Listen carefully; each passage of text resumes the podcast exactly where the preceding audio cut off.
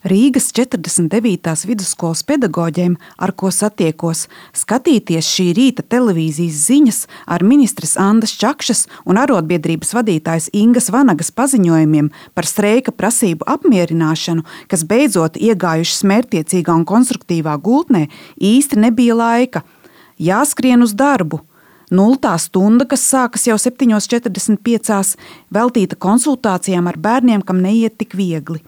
Latviešu valodas skolotājai Kristīnai Tropiņai, pamatskolas angļu valodas skolotājai Janai Saknei un direktora vietniecei izglītības jomā Dacei Reknerei es atņemu dārgo laiku vienā no 30 minūšu starpbrīžiem, kas citādi būtu veltīts, lai pēstu vai apdarītu kādu steidzamu darbu. Ja pedagoģa streiks būtu noticis, šī skola būtu slēgta, viņas saka. Streika prasībām pievienojās gandrīz visi skolotāji, bet algas pieaugumu itin visi šajā skolā redzēšot jau 10. februāra izmaiņā izmaksā. Cik tas būs liels, jautāja skolas vadības pārstāvēja Reknerei. Par pieaugumu laikam grūti pateikt. Es domāju, ka tas būs ļoti atšķirīgs daudzās skolās. No skola no skolas, ko no kurā lēma, kā varēja atļauties. Jo ir, es zinu, skolas, kur pieņem atbalsta personālu vēl, lai būtu vieglāk. Nu, tā, tādi visādi ir tie risinājumi. Ka varbūt pat tā lielākā problēma nav cik maksā, bet tā milzīgā slodze, kas ir uzlikta par attiecīgo algu. Nu, tas jā, un otrkārt, šobrīd liekas, mums jau ir gana daudz skolotāju, kur tik daudz negribētu strādāt.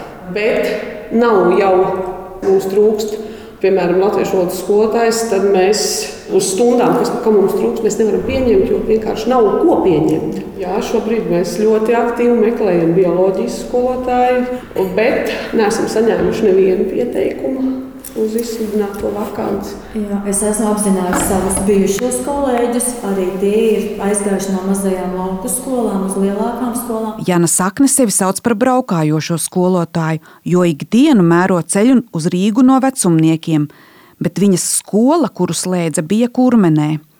Jana uz Rīgu pārcēlusi arī savus trīs bērnus. Vecākā meita tagad šo skolu jau ir absolvējusi un mācās augstskolā. Tā forša var iebraukt Rīgā stundas laikā. Jā, no māja prasa mazliet vairāk, jo ir sastrēgumi. Ar savu mašīnu? Ar savu mašīnu. Bet tagad ir tik dārgs benzīns. Bet tas ir lētāk nekā Rīgā man ņemt dzīvokli. Mēs esam daudz. Tas ir lētāk.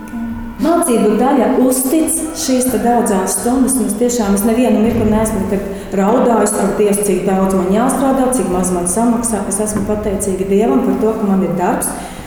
Es varu atbraukt, es varu nomaksāt visus tekošos rēķinus. Arī bērni nesūdzās, ka tev mamma dievinās, cik tev tur samaksā un cik tu strādā. Kā cik gari jums iestiepjas darba diena bez visas braukšanas? Nu, šajā mācību gadā man sākas stundas 8.30 un 3.40 un beidzās bez neviena. Tā tad Janai jāceļas ap sešiem. No mājām uz darbu jāizbrauc jau īsi pēc septiņiem, bet atgriežoties vecumniekos, vēl jātiek galā ar skolēnu rakstu darbiem. Viņa saka, ir iemācījusies daudz ko padarīt starpbrīčos, taču nākas pasēdēt arī vakaros. Ģimene pukojas, ka arī mājās telefonā pīks skolēnu vecāku īsiņas. Askan arī pa vecāku zvanam. Neviens jau nezina, cikos ir celsies skolotāja, cik viņa nopelna Jana neatklāja, tikai palepojas, ka viņas bonus ir trīs bērni, par kuriem pienākas nodokļu atvieglojumi. Kolēģe Kristīna gan izrēķinājusi, ka viena domāraksta izlabošana prasa četras stundas.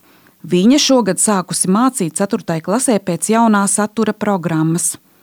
Viņa šogad skolā strādā jau 21. gadu un arī tik pieredzējušam pedagogam negāja gludi. Tas ir liels darbs, kas ir jāiegulda skatot dažādus video materiālus, lasot dažādus rakstus, jo nevar skolēnam uzdot un gaidīt rezultātu, ja skolotājs nav izpētījis, kas potenciāli tiks iegūts no tā. Līdz ar to darbs aiziet dubultā, gan stunda, gan tai stundai sagatavoties. Kas attiecas uz mācību saturu, Tad mēs arī ar pārējiem latviešu valodas kolēģiem esam viensprātis. Saturs ir sadrumstalots un tajā absolūti trūkst valodas kā sistēmas sistemātiskuma principu. Kad ideja par šo projektu nulle laikam tapa, vai iespējams tā bija pieņemta jau pirms mūsu anketēšanas, Mēs rakstījām savus ieteikumus, mēs rakstījām savas pretenzijas. Visticamāk, tas bija piliens jūrā, vai arī patiesībā tas bija ķeksīts lai tas būtu izdarīts, bet patiesībā tas nevienu neinteresē. Dace piebilst, ka liela problēma ir arī mācību grāmatu trūkums. Saturs ir mainīts, bet daudzos priekšmetos vēl nav pēc kā to mācīt. Vai vismaz par algu pieaugumu ir priecīgs satraukums, es jautāju. Kad man teica, ka būs šie jautājumi, es mēģināju atkratīties. Iemesls ir ļoti vienkāršs. Aizskaitinājumu visa šī peripētija, tādēļ es cenšos diezgan lielā mērā distancēties un aprobežojos tikai ar virsrakstu izlasīšanu. Kāpēc aizskaitinājumu? Tādēļ, ka agri vai vēl rodas sajūta, izjūta,